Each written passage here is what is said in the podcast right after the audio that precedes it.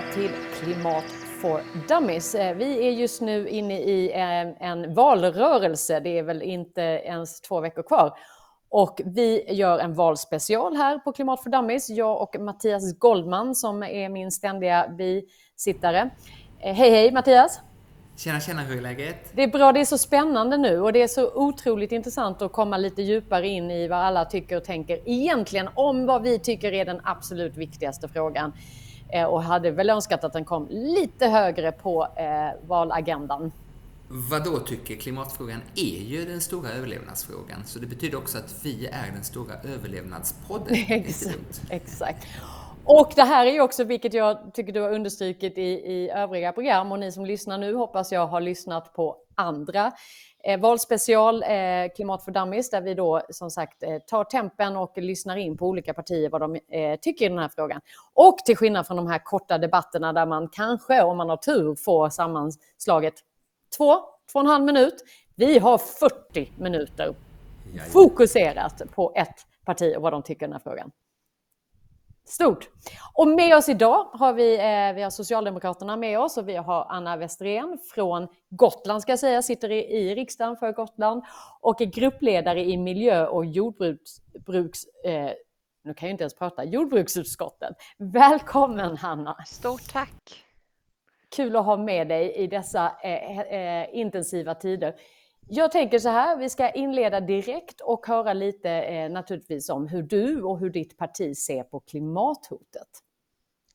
Ja, alltså sammanfattningsvis så kan man väl säga det som, som ni båda var inne på. Det är ju vår stora överlevnadsfråga och jag skulle i likhet med er önska att vi pratade ännu mycket mera klimat och eh, minskade utsläpp i valrörelsen. Det är ju eh, flera stora frågor som, som, eh, som står på spel i valrörelsen, men klimatet är ju utan vidare eh, den fråga som jag möter absolut oftast från, inte minst från de unga väljarna, men också från, från många, många andra. Alltså den här ja, överlevnadsfrågan. Hur ska vi kunna leva kvar här tillsammans och under vilka förutsättningar? Och eh, många tar ju också upp det här med eh, de här ganska plötsligt väldigt påtagliga eh, tecknen på klimatförändringarna med bränder, med översvämningar, med vattenbrist och så vidare. Så att eh, både bra och dåligt, men frågan har tycker jag ändå eh, seglat in i människors medvetande på ett sätt som gör att man faktiskt också får en, en bättre utgångspunkt för, för diskussionen. Och för, för mitt parti och för Socialdemokraterna så är ju vårt mål att vi ska bli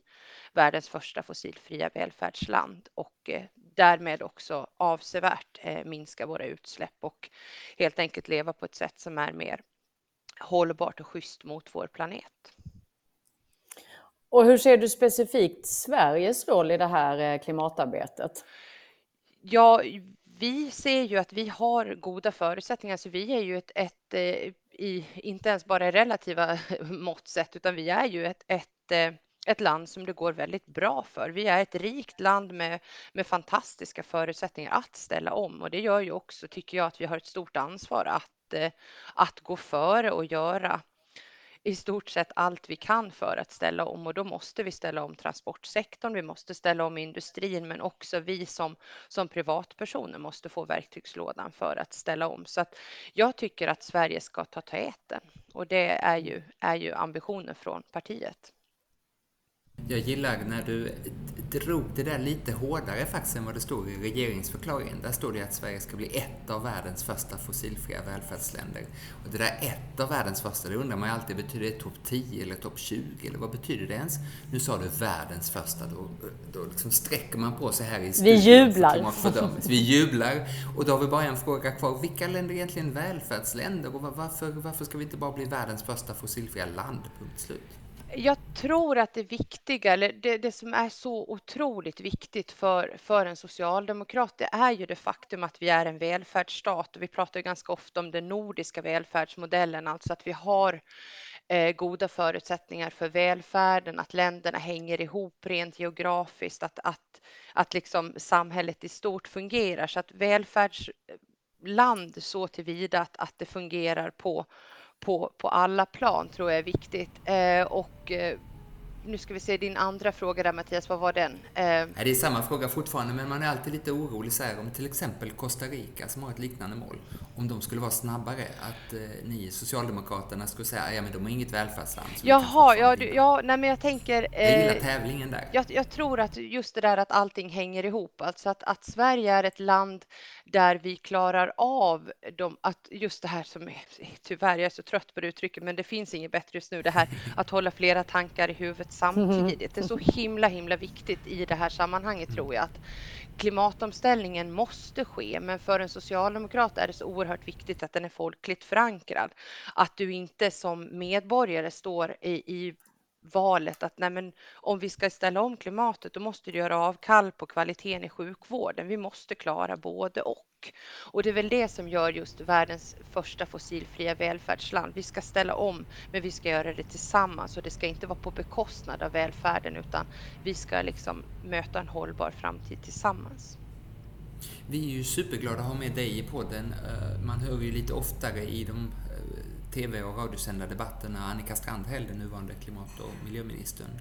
Och hon betonar ofta att tempot i omställningen måste öka.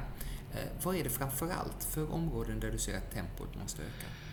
Eh, det är ju egentligen på alla områden, men om man ska om man ska hårdra det så är det väl ändå så att om man tittar på målen för transportsektorn till exempel så går elektrifieringen går ju eh, i, i vissa avseenden förvånande snabbt medan på industrisidan ser vi att där måste vi eh, öka på ganska avsevärt. Och också vi som, eh, som privatpersoner, som privata konsumenter behöver också få en större verktygslåda för att också kunna göra de, de hållbara valen i, i vardagen. Eftersom eh, det nämndes särskilt här att jag kommer från Gotland så kan man ju ta ett exempel just när det gäller industrin. Alltså jag bor ju på Gotland där vi har en av Gotlands största, eller en av Sveriges största utsläppspunkter.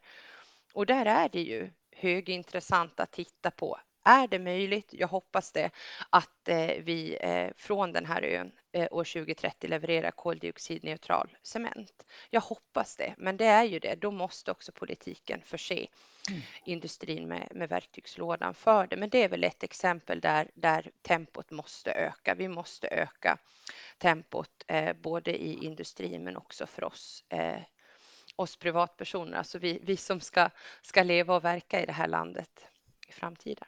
För ibland när man hör detta om tempoökningen mm. så kan man ju för, få bilden av att egentligen gör vi allting rätt, bara inte tillräckligt snabbt. Är det din och Socialdemokraternas bild eller är det inte ett antal lite större skiften som måste till också? För, förlåt, vad sa du det sista? Är det inte? Är det inte ett antal större skiften som måste till också? Eller är det verkligen så att vi gör allting rätt men inte snabbt nog? Mm, ja, alltså ja, tempot måste öka, men, men eh, jag skulle vilja hävda med bestämdhet att vi måste göra mer och vissa saker måste vi göra annorlunda. Eh, jag vill väl egentligen exemplifiera med en sak som jag har debatterat oerhört mycket under den här våren och som jag skulle önskat att vi hade debatterat lite mer nu i valrörelsen också. Och det är ju reduktionsplikten som har blivit lite slagträ i, i klimatdebatten och som eh, det ju har funnits en otroligt stor uppbackning kring i riksdagen under ganska lång tid ändå. Och där vi under, under våren såg att stödet för reduktionsplikten fullständigt eroderade i riksdagen. Eh, och där även mitt parti eh, frös reduktionsplikten eh, för innevarande år.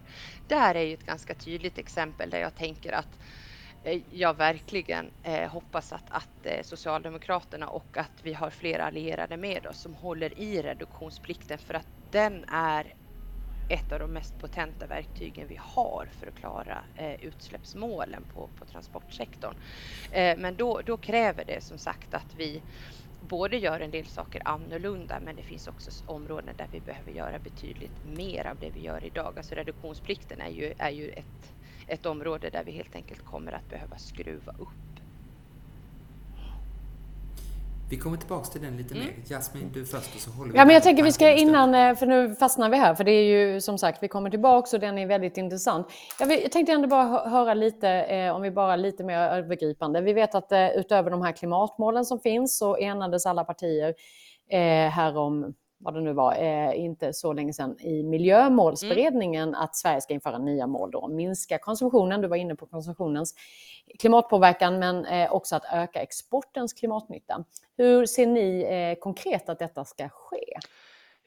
Där tänker vi ju att eh, vi måste vara ödmjuka inför att dels då att vi har väldigt höga ambitioner från, från svensk sida. Vi, vi vill verkligen göra mer på det här området, men Sverige är ju en del av EU så att ska vi ha ett regelverk för det här så kommer det behöva vara med nödvändighet ett regelverk som fungerar för alla medlemsstater. Så förhoppningen och, och ambitionen är ju att vi ska ha eh, mätbarhet för miljö och klimatpåverkan på, eh, på varor och tjänster inom hela Europeiska unionen och att vi kommer driva det under vårt ordförandeskap som är på inkommande väldigt, väldigt snart. Det är väl det mest konkreta exemplet.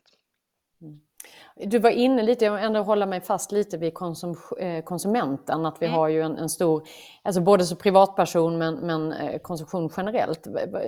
Och vi vet om att till exempel i produktion av kläder, där är ju mm. 80% av påverkan är i produktionen, ofta i ett annat land dessutom. Hur kommer vi åt det? Det är både liksom, eh, produktionen men också hur vi agerar som konsumenter. Ja, där tänker jag väl att den stora en av de, eh, lite av min käpphäst på det här området, det är ju just eh, kunskapen, alltså att inte, inte lämna konsumenten ensam i det här för att vi, vi behöver gemensamt få upplysning och vi kan aldrig hamna i, eller vi får aldrig hamna i en situation där man säger att är det är upp till dig nu, du måste ställa om och du får liksom, här har du, här, här har du verktygslådan, varsågod, utan det måste ju vara en gemensam rörelse framåt så att det blir liksom en, en folkligt förankrad omställning. Och där måste ju politik politiken orka ställa krav på produktionen att det är så lättillgängligt som möjligt för konsumenten att, att se och förstå huruvida varan eller tjänsten du står i begrepp att köpa är hållbar eller inte. Och det finns ju så många olika system att mäta det här. Jag vet, många har uppvaktat eh, oss socialdemokrater de senaste åren kring det brittiska systemet med ja, ni vet det här mm. trafikljussystemet. Eh, och det, ja, det kan ju vara en, eh, ett första steg, men, men som sagt att så lätt som möjligt som konsument kunna se att koldioxidavtrycket av den här produkten är det här. Eh, det, det, tror jag vore ett, eh, ett sätt att förenkla omställningen och verkligen visa på att det finns små, små steg. Vi, politiken måste stå för den systematiska verktygslådan, men konsumenten måste också känna att det är möjligt att göra skillnad här och nu. Och när man tänker på hur ni underlättar för konsumenten att göra skillnad här och nu, mm. så eh, ser vi ju att ni går till val på att skicka en kraftig elcheck till alla hushåll utan någon som helst krav på klimatprestanda. Egentligen kan man säga att man får mer pengar ju mer man förbrukar. Ni eh, har sänkt skatten på fossila drivmedel, men inte på de förnybara, det vill säga ni har gjort det lönsammare att tanka smutsig fossilbränsle. Och ni ville rent av, men fick backning i riksdagen, ni ville rent av skicka ut en check till alla som har en bil på 1000 eller till och med 1500 kronor per bil. Det där måste ju skicka ganska knepiga signaler till konsumenten som trodde att det skulle löna sig att ställa om till hållbart och förnybart. Ja, och där tänker jag att, att eh, vi måste hålla i tanken om omställning. Vi måste eh, fortsätta energieffektivisera, eh, se till att vi har hållbara bränslen i tanken i större och större utsträckning. Men vi kommer inte ifrån att parallellt med den här omställningen som måste ske så har vi också fått en, en fruktansvärd händelse på halsen som, som ju ännu pågår och det är ju kriget i i Ukraina, det här hänsynslösa kriget mm. som mm. ändå har gjort väldigt mycket med prisbilden. Så att jag förstår att den där liksom ekvationen är, är kommunikativt lite krånglig, men jag tror att, att eller det är ändå det jag försöker möta eh, väljare med idag är, är både det korta perspektivet att här och nu så måste, eller jag tycker att politiken har ett ansvar att, att underlätta för, för människor att klara vardagen.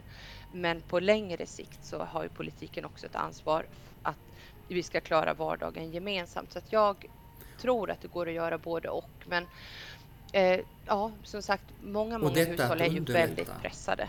Mm. Och detta att underlätta för pressade mm. hushåll och kanske också pressade näringar, till mm. exempel åkerinäringen eller kollektivtrafiken eller jordbruket. Där eh, när ni la fram de här förslagen som jag nämnde mm. så skrev Finansdepartementets opolitiska tjänstemän en skrivning om vad man kunde göra med större träffsäkerhet och långt mindre klimatpåverkan om man vill till exempel gynna de som drabbas hårdast istället för att skicka ut en peng som är större ju mer el man förbrukar. Mm. Eller skicka ut en check till alla som har bil. Till och med om man skaffat en elbil får man kompensation för att bensinen har blivit dyrare. Varför gjorde ni inte något sånt? Varför siktar ni inte mer träffsäkert än med den här klimatmässigt så tveksamma hagelbössan ni använder? vilken, vilken intressant metafor måste jag bara säga först. Eh, men eh, ja, alltså det är ju det här att det finns ju, det finns ju alltid eh, utrymme, får jag väl säga i det här sammanhanget, för oss att, att vara efterkloka och visst är det möjligt att åstadkomma en, en större träffsäkerhet, absolut. Eh, jag tror väl ändå att det har lite att göra med, med upplevelsen hos de svenska hushållen att, att eh, långt fler än, än vad, vad, vi kanske tror upplever sig som, som träffade och som, som drabbade. Så att ja, träffsäkerheten kan absolut bli större. Det kan den bli. Eh, det kan också eh, göras betydligt mer eh, när det gäller att, att liksom, vad ska man säga, eh, nudga befolkningen i, i, i rätt riktning. Eh, och jag tycker väl ändå att det är det som vi ser nu när vi också går fram med, eh, med stöd för energieffektivisering. För att det är det jag hoppas ska, ska bli mycket mera eh, legio eh, i politiken i stort, men inte minst i, i, också i mitt eget parti. Det här att, att för, för varje krona man satsar på ena området så satsar man också en på det andra. Alltså att, att energieffektiviseringen går hand i hand eh, med, med andra satsningar eller att eh, satsningar på ohållbara bränslen fasas ut med hjälp av, av, av stöd till, eh, till de mer hållbara sätten att leva. Här inträffar ju det något märkliga att det verkar som att du och jag är mycket mer överens än vad du och Socialdemokraterna är överens. Därför att det är ett valmanifest som inte handlar om efterklok, utan det ni, det ni går till val på framåt. Så står det att ni ska införa ett högkostnadsskydd mot höga elpriser. Alltså inte någon tillfällig grej, inte under tiden det är krig, utan ett permanent eller i vart fall långsiktigt högkostnadsskydd. Som förstås gynnar mest de som slösar och använder jättemycket. Det låter ju stick i stäv med vad du står för och hur du argumenterar Ja, fast egentligen inte för att parallellt. Jag tror att i samma valmanifest så kan du, kan du också hitta eh, stödet för energieffektivisering. Alltså det, det, måste vara möjligt att göra både och och det är ju det som, som jag och eh, även mitt parti försöker signalera att vi eh, vi vill hjälpas åt, alltså att hushållen ska inte känna sig ensamma i den här väldigt tuffa tiden med extremt höga elpriser. Men vi måste också som parti ta ett ansvar för, för helheten och också bidra till att vi energieffektiviserar, men också att vi eh, får tillgång till eh, säkrare och mer eh, hållbar energi än, än den energimix som vi har idag. Okej, jag tänker att vi ska ta eh, lite vidare här. Vi eh, bland annat ser i ert valmanifest att ni anger att, att eh, vi ska skapa jobb här och nu genom att leda klimatomställningen. Eh, och hur ser ni då att klimatomställningen kan ge mest jobb här och nu? Det är spännande att höra. Ja, det finns ju väldigt många eh, olika grenar på, på, det, på det eh, vallöftet, men det har väl varit väldigt tydligt tror jag för, för många på många håll i Sverige att klimatomställningen ger fler jobb. Alltså rätt hanterad så ger den otroliga möjligheter och det tycker jag har varit en ganska stor förändring från de valrörelser som, som jag deltog i för, för bara några år sedan där, där det kändes väldigt luddigt och fiktivt. Så vad då nya jobb? Vad då? Hur då? För vem då? Medan nu är det ju verkligen så att batterifabrikerna eh, Ehm, H2 Green Steel, eh, Hybrid och så vidare, de ger otroliga möjligheter och de, de, för, de kommer i omställningens spår. De är en del av omställningen. Eh, vindkraftsparkerna till havs, eh, rätt hanterade, ger de många jobb och de är också en del av omställningen. Så att det är väl egentligen de kanske tydligaste och mer, mest synbara exemplen på, på omställningen, att, att omställningen eh, ger ganska rejält många nya jobb i, inte minst i, i lite tyngre industri på ett sätt som jag tror att många av oss kanske hade svårt att, att föreställa oss för kanske två, tre valrörelser sedan. Att omställningen verkligen bär på de här möjligheterna. Och vilket jag tror också är en, en välkommen bonus som jag tror också börjar eh, sjunka in hos många människor, att det inte alltid sker i storstadsområdena. Det är inte alltid där som, eh, som jobben finns, vilket ju har varit en, en del i till exempel eh, techboomen och så vidare tidigare, att det, att det har koncentrerats mycket till till hubbar i storstadsområdena. Alltså de här jobben vi pratar om nu kommer ju i väldigt stor utsträckning i, i bygder där man kanske har haft en, en ganska massiv utflyttning under lång tid. Och jag ser på exemplet här hemifrån från min egen ö så skulle skulle det ju mm. också eh, innebära väldigt positiva effekter i, i termer av sysselsättning. Mm. Och här är det väl bara viktigt att det går, precis som du sa innan, flera tankar i huvudet mm. samtidigt. De som då drabbas av nedskärningar eller liksom mm. nedläggningar måste ju liksom fångas upp och se hur kan de få möjlighet att ställa om till eventuella nya eh, arbetsuppgifter eller vad det nu kan vara, för så det inte går två parallella och så är det någon som tappar och någon som får Nej. nya arbeten. Eh, och det är väl inte den diskussionen ibland, eh, kanske inte så tydlig hur det ska gå till. Nej, och den diskussionen är ju jag högst delaktig i och flera av mina utskott, eh, kollegor från andra utskott också, just hur man möter de bygder som nu har lite växtverk, att man både mäktar med eh, resurser och stöd för bostadsbyggande, men att man också klarar kompetensförsörjningen. För vi har orter i Sverige som växer så fort nu så att de verkligen har en, en hel radda av yrkeskompetenser som, som behöver tillsättas, mm. men där de befarar att de inte hinner matcha eh, arbetskraften tillräckligt fort. Och mm. då är ju risken att det blir fly in, fly out. Och där mm. hoppas jag verkligen att vi inte ska hamna utan att det blir människor från, från bygderna i, i fråga som, som mm. står först i mm. kön för jobben. Ja, men den är intressant och det är lite mer, vi eh, ska inte djupdyka i den för det finns ju kompetens runt om i landet och eh, som kanske inte alltid nyttjas.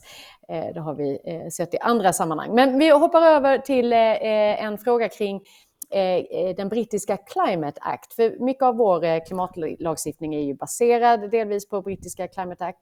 Men skillnaden är ju att britterna har en årlig utsläppsbudget. Vad tycker ni, bör Sverige ha det? Vi har ju förhållit oss lite som parti, lite liksom hållit lite låg profil i frågan. Vi menar ju att vi har Eh, vi har de mätverktyg vi behöver för att, att följa utsläppen väldigt noga och utsläppsbudget är ju ett, ett sätt av flera att mäta att mäta utsläppen, men, men vi menar ju att vi har det klimatpolitiska ramverket, vi har klimatlagen, vi har klimatmålen, att vi, vi eh, och målsättningarna ligger fast. Så att nej, i nuläget är inte koldioxidbudget någonting som vi kommer att, att införa eller någonting som vi går till val på. Jag tolkar dig som att du eh, och även er, er minister Strandhäll, eh, ni vill ju öka tempot mm. och vill ha ett mandat för att göra mer. Och skulle inte en utsläppsbudget som till exempel nu visar att eh, när Sveriges utsläpp faktiskt ökar igen så är det åt fel håll. Skulle inte den ge dig mer, för att hålla fast vid den här hagelbössa-liknelsen, mm. mer ammunition i arbetet? Både ja och nej. Jag, jag tycker väl ändå att eh, det som nästan biter bäst i, i de diskussioner som vi har i Sveriges riksdag och även i, i andra forum där vi diskuterar eh, skarp verktygslåda så tycker jag väl ändå att det är eh, de vetenskapliga rönen och det klimatpolitiska rådets arbete tycker jag i väldigt stor utsträckning är det som, som pekar ut riktningen. Och, och jag Ja, jag, jag är inte helt övertygad om att en utsläppsbudget hade gett mig mer ammunition, utan jag tycker att vi, eh, vi har den, den ammunition vi behöver. Det är väl just eh, träffsäkerheten som, som hela tiden är under diskussion. Alltså hur, hur, hur kalibrerar vi den här, eh, den här åtgärden så att vi träffar rätt? Och när du är så här resonerande i frågan så är det ju spännande att se att de tre av de partier som jag tror många av oss tänker att ni kan få närmast att samarbeta med efter valet, Centern, Miljöpartiet, Vänsterpartiet, alla vill ha en utsläppsbudget. Och då tänker jag att eh, eh då kanske de kan få det när du egentligen inte har något särskilt ja, jag eh, befarar, eller vad jag ska säga, jag misstänker att jag inte kommer att sitta i regeringsförhandlingar, eh, skarpa regeringsförhandlingar, men eh, det är väl lite som du själv konstaterar, det är ju, det är ju inte något rött skynke för oss på något sätt, det är det inte. Och är, eh, hamnar vi i regeringsställning med, med andra partier som anser att det här är det som gör liksom this will do the work. Då, då tror jag nog att, att det är eh, fullt förhandlingsbart. Underbart. Du nämnde det klimatpolitiska rådet och de kommer ju med en årlig granskning av den samlade politiken, hur vi ligger till visavi de mål vi har enats om. Och en grej de alltid tjatar om, alltid lyfter fram, är, är att Sveriges nuvarande mål om netto noll 2045 duger inte. Det är för fluffigt, det är för otydligt, det borde vara noll. Och du pratade också om världens första fossilfria välfärdsland. Alltså inte netto fossilfritt eller något sånt där. Är du beredd att skärpa de svenska klimatmålen? Jag tänker att, att det, det, den diskussionen kommer ju att bli skarp efter, efter valet. Oavsett vem, vem som, som tillträder på statsministerposten så kommer vi ha väldigt skarpa frågor att diskutera. Eh, det kommer att behövas nya energipolitiska samtal och vi kommer att behöva en förnyad diskussion om, om klimatet och om de svenska utsläppsminskningarna. Och jag håller det inte för osannolikt att vi kommer att behöva diskutera det också givet eh, hur inte minst hur den här sommaren har sett ut med alla de väldigt påtagliga förändringar eh, som vi har haft i, i, i vårt närområde. Så att eh, skärpningar är absolut eh, tänkbara. Eh, vi tar en nästa fråga som är mycket i på tapeten och eh, mycket handlar, har ju handlat om energi, va? Mm. framförallt kärnkraften. Och i ert valmanifest så säger ni att vi ska bygga ut all elproduktion vi kan här och nu. Samtidigt eh, så har ni i alla fall tidigare betonat att energin ska vara förnybar, alltså inte kärnkraft. Eh, och det är ju grunden för eh, er energiöverenskommelse. Vad ser du för, eller vad ni ser för framtida elmix eh, framför dig? Ja, ibland tänker jag att den, den frågan borde, borde ett flertal andra partier behöva svara på före, före mitt parti. Men, men det, självklart är det så att vi socialdemokrater är ju ett av de få partier som står kvar vid den liggande energiöverenskommelsen som ju också säger att vi ska ha en, en mix av, av flera energislag. Eh, och eh, vi har ju under ganska lång tid drivit på för framförallt för förnybar energi. Och nu så eh, givet eh, det läge vi befinner oss i så, så eh, är vi lite mer öppna i, i, i termer av, av alla energislag, men framför allt så vill vi också av omsorg om infrastruktur, näringsliv, om svenska hushåll ha en, energi, en förnyad energiöverenskommelse som håller över mandatperioderna där vi är överens om, om både sol och vind och kraftvärme, men faktiskt också kring kärnkraftens roll. Och eh, det har ju också från, från mitt parti kommit en öppning eh, kring, kring kärnkraften. Men det man ska komma ihåg där är ju att kärnkraft har tid att bygga. Så att det är ju fortfarande så att, att eh, jag vill nog ändå extra mycket betona det förnybara. Alltså ska vi, ska vi tänka energi här och nu så är det ju sol och vind som, som kommer att, att eh, i det korta perspektivet eh, ge eh, substantiella tillskott. Sen så tror jag att vi så småningom kommer ha energipolitiska samtal där, eh, där kärnkraften kommer eh, kanske få en, eh, en delvis annan roll än vad den har i den liggande. Och i denna eh, skrivelse som ni har om att bygga ut all elproduktion här och nu så har du ju då besvarat nu-delen. Men här-delen är ju också spännande. Därför att när sex reaktorer för kärnkraft lagts ner så var det i södra Sverige och det mesta nya vindkraften kommer i norra Sverige medan snart sagt alla förslag om ny vindkraft i södra Sverige har stupat på vetot. Så ditt här, i här och nu, gäller det egentligen bara norra Sverige och i södra Sverige så får vi acceptera att det inte blir Nej, alltså det är verkligen både min och, och mitt partis uttryckliga ambition att vi ska ha mer eh, energi här och nu även i södra Sverige. Alltså det finns ju definitivt ett helhetstänk där kring, eh, kring både sol och vind och vi har ju, vilket jag tror att ni är väldigt väl medvetna om, haft en ganska sårig vindkraftsdiskussion i riksdagen under, under våren där vi ju ville komma vidare och eh, behålla det, det kommunala vetot så, så som det, det, nu är utformat, men, men att vi skulle ha en, en, delvis annorlunda process för att få en större förutsägbarhet och för att få fler eh, vindkraftsparker på plats, både eh, på land och till havs. Och det kan jag verkligen, ja, det är nog, det är verkligen ett, ett beslut som jag sörjer att, att den propositionen föll i, i riksdagen för att, eh, ja, som sagt, jag, jag är, är, är verkligen en vän av, av de förnybara energislagen och ser dem verkligen som, eh, som framtiden för, eh, för energisverige. Så att jag, jag sörjer verkligen att det inte kom i mål. Och det här, mm. och det här jag, eh, hör ju eh, motargumenten, dels med kärnkraften att den tar lång tid.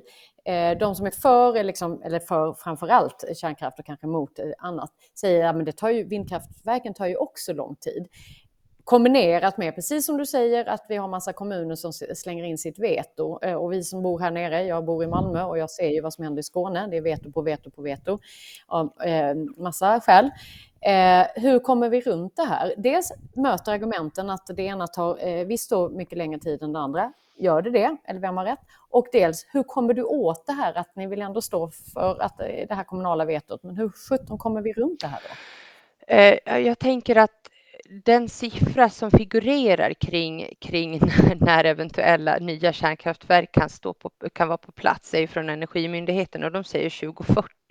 Och vi som har följt vindkraften vet ju ändå att vindkraftverk kan Eh, om processerna fungerar faktiskt vara på plats betydligt snabbare. Så det tycker jag talar för vindkraften. Men sen det du, det du lyfter kring den här knuten, liksom, hur löser vi upp den? Där är ju också tanken att eh, utöver då att, att eh, processen ska förändras så att vetot kommer in tidigare så att det finns förutsägbarhet för alla aktörer. Kombinerat med det så vill vi också ha en, en ekonomisk kompensation så vi ändå tänker är, är också ett sätt att, att visa på att omställningen eh, rätt hanterad innebär eh, är en möjlighet för, för de många. Eh, och det är ju, är ju också, apropå det här min, min sorg över den här propositionen, alltså hela den här processen kring vindkraftens eh, utbyggnad och framtid har ju för, försenats med, med ett par år i och med att propositionen föll. Eh, men, eh, men utredningen av kompensationen kan ju fortgå ändå så att förhoppningsvis så hoppas jag att, att eh, ja, den regering som tillträder efter valet faktiskt sliter upp den här propositionen och, och tar vara på alla de positiva förslagen i den, kombinera det med utredarens förslag om hur kompensationen ska vara utformad och sen att vi verkligen får full fräs på vindkraftsutbyggnaden. För att jag, jag, ja, jag, ibland tänker jag att vi inte ens till fullo förstår potentialen i, i sol och vind för Sverige. Och jag, lite på denna liksom note, eh, ni vill öka de gröna statliga investeringarna för att få ner utsläppen och samtidigt då skapa fler jobb. Vilka stora större statliga klimatdrivna investeringar ser ni framför er? Ja, dels är det ju de som, eh, som finns idag som vi ju vill verkligen hålla i och, och bredda ytterligare. Det är Klimatklivet och det är ju Industriklivet. Men utöver det så ska man ju inte, eller vi ska verkligen inte bortse från eh, satsningar på infrastruktur, alltså att både underhålla befintlig men också bygga ut järnvägen. Jag vill nog också särskilt slå ett slag för eh, att Eh, rikta om godstransporterna och få bort eh, mycket av det från vägarna till sjöfarten istället. Jag tycker, apropå att få, få lyfta fram eh, sin, sin egen valkrets, men vi har ju ett exempel här hemma hos mig också där man styr om eh, delar av, av godset från väg och tar den på, på linjen Nynäshamn-Rostock istället med ganska avsevärt lägre utsläpp. Så att, det är ju det här att hela tiden hitta de här stora eh, utsläppspunkterna. Som sagt, absolut jobba, jobba i det lilla också, men faktiskt hitta de här systemförändringarna. Och där tror jag ju att vi under lång tid eh, hoppas jag verkligen kommer hålla i både Klimatklivet och Industriklivet. Och Klimatklivet har ju till exempel bidragit till, jag tror det är 65 000 nya laddstolpar runt om i Sverige och jag tror det är knappt 11 000 av dem är ju publika. Så att omställningen sker ju här och nu. Och eh, ehm, då liksom lite tillbaka till det vi pratade innan och som naturligtvis hänger ihop med, med möjligheter att göra nya eh, investeringar eller nytt. Det är ju de här tillståndsprocesserna oavsett om det är tillstånd för eh, eh, eh vindkraft. jag, jag förstår. Mm. Men hur ska vi göra det så att det går snabbare? Ni har med det i ert industripaket. Hur konkret tänker du? Ja, eh, och där Ja, alltså det, ni, ni, ni som såg mig, nu såg jag att jag verkligen tar mig för pannan, för det är ju verkligen ett, ett sorgebarn i omställningen, tillståndsprocesserna. Eh, eftersom eh, jag företräder ett parti som vill att de här omställningsjobben ska stanna här i Sverige och då vill vi ju att, att tillståndsprocesserna ska fungera. Och vi har ju tyvärr exempel där det tar otroligt lång tid och, och dessutom försvåras på andra sätt. Och där har vi ju tillfört ganska mycket medel för att, att processerna ska bli mer effektiva effektiva men fortfarande vara lika rättssäkra såklart. Eh, det som bekymrar mig lite är ju att eh, vi har, eh, apropå det här med, med överenskommelser som håller över mandatperioder, det, det skrämmer mig lite att vi inte har förståelsen i Sveriges riksdag som helhet kring länsstyrelsernas roll där. För man tog en ganska stor pott från länsstyrelserna i, i eh, den här eh, MKD-SD-budgeten som gick igenom. Och det är pengar som länsstyrelserna Eh, väldigt tydligt förklarade för miljö och jordbruksutskottet att det gör att vi eh, får längre och svårare tillståndsprocesser och att länsstyrelsens roll, länsstyrelsens oundgängliga roll i tillståndsprocessen också försvåras. Eh, så det är ju en aspekt, men, men tillståndsprocesserna måste effektiviseras och sen tänker jag också att eh, vilket jag tycker att både Annika Strandhäll och, och eh, Khashayar Farmanbar har varit inne på i sina respektive presentationer. Vi måste också kunna åstadkomma en ordning där eh, vi så småningom kan ha en, en, annan prioriteringsordning när vi har samhällsviktiga projekt. Alltså vi pratar eh, mm. eh, för klimatomställningen samhällsviktiga projekt, att vi faktiskt kan se dem i en, i en större helhet och ibland också ha en, en något snabbare process någonstans där kanske man känner att eh, vi har haft, eller ni har haft åtta år i regeringsställning på er och vi har pratat tillståndsprocesser bra länge nu. Var, var, eh, varför tar det så lång tid att göra något åt det här?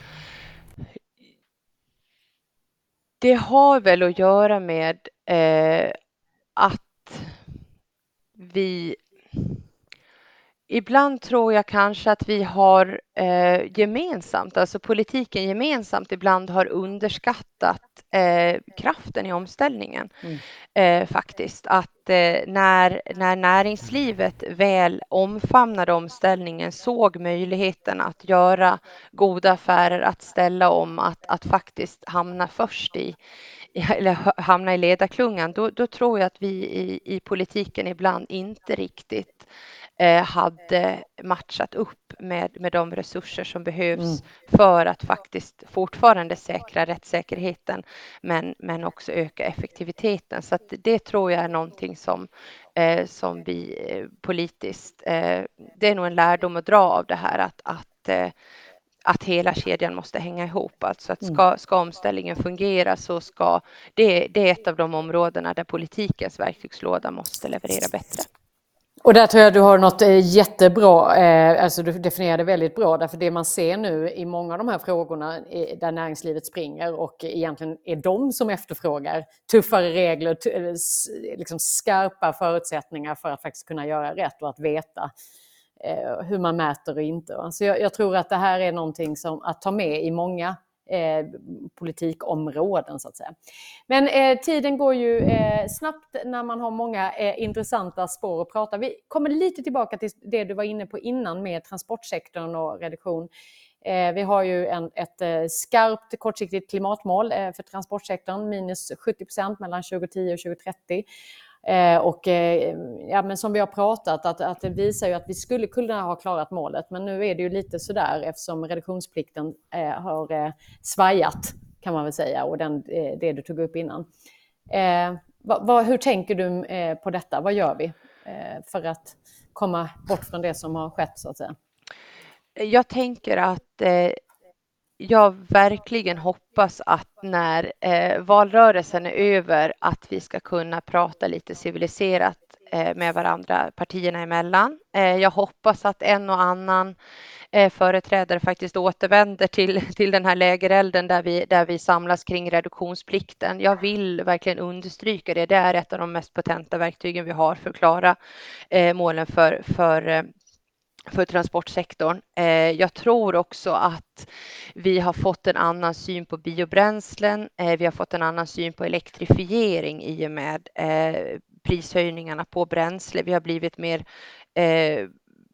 medvetna både om vår sårbarhet men också om, om alternativen som finns.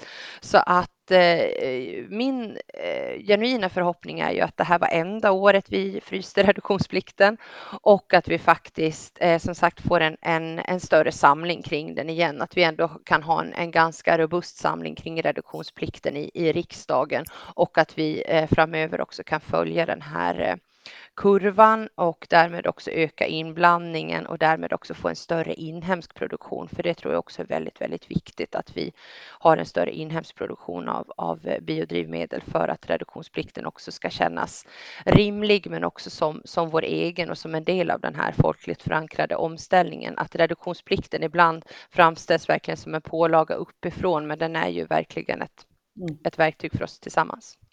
Eh, Eh, bara en kort fråga då, för eh, så som det ser ut nu så har ju finansminister eh, Damberg uppvaktat EU för att eh, vi ska kunna ha en lägre skattenivå på fossil eh, bensin och diesel än vad EU egentligen ens tillåter.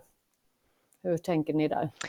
Nej, det är ju än en gång det här att, att eh, kunna hantera eh, det som händer här och nu där, där svenska hushåll är otroligt pressade men ändå kunna ha eh, en möjlighet att premiera och främja omställningen på, på längre sikt, att, att kunna klara den eh, balansgången. Det är ju det är mycket det det handlar om, att, att möta hushållens pressade ekonomi nu, men ändå ställa om Sverige som helhet.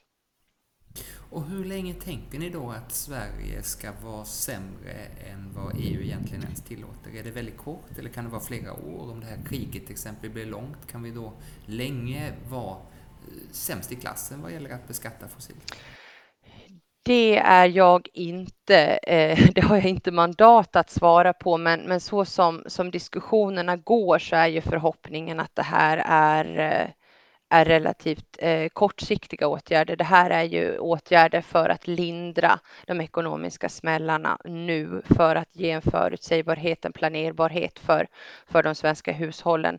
Men jag tror vi alla när förhoppningen om en mycket ljusare eh, framtid, både i termer av, av fred och i termer av lägre utsläpp. Mm. Och lägre utsläpp vill vi alla ha och eh, därför tänker jag så här som en sista fråga till dig eh, som klimatengagerad väljare. Vad är det bästa man kan göra på valdagen och varför? Det bästa man kan göra på valdagen är att rösta på ett parti. Jag säger givetvis rösta på Socialdemokraterna, men rösta på ett parti som man, man tänker arbeta för någonting och inte emot någonting. Alltså jobb, arbeta för en, en bättre gemensam framtid. Eh, att man verkligen gör ett medvetet val som väljare och eh, väljer en förtroendevald eller ett parti som man känner den här personen står för att göra saker tillsammans och att faktiskt eh, ja, rusta, rusta planeten för, eh, för framtiden. Det tror jag. Bra, eh, tänker jag, bra svar. För det vi brukar säga är rösta, lyssna på vår podd tycker vi, eh, på denna och på de andra och ta reda på eh, lite grann vad, vad respektive parti står eh, för och faktiskt eh, använd din röst. För att eh, använder man inte sin röst så kan man inte heller klaga efteråt, har jag hört något ungdomsband säga någon gång. Eh, så ut och rösta hörni. Stort tack Hanna och tack för tack. att du var med här och tack för att du engagerar dig. Som sagt, oavsett oavsett eh, vad man röstar på så är vi otroligt imponerade av er som eh, faktiskt eh, orkar med det här, för det här är ett, en stor, ett stort arbete ni gör. Lycka till! Och det var allt just nu för eh, Klimat för Dummies. Vi hörs och ses snart igen med nytt eh, parti och nytt eh, nedslag. Ha det bra så länge!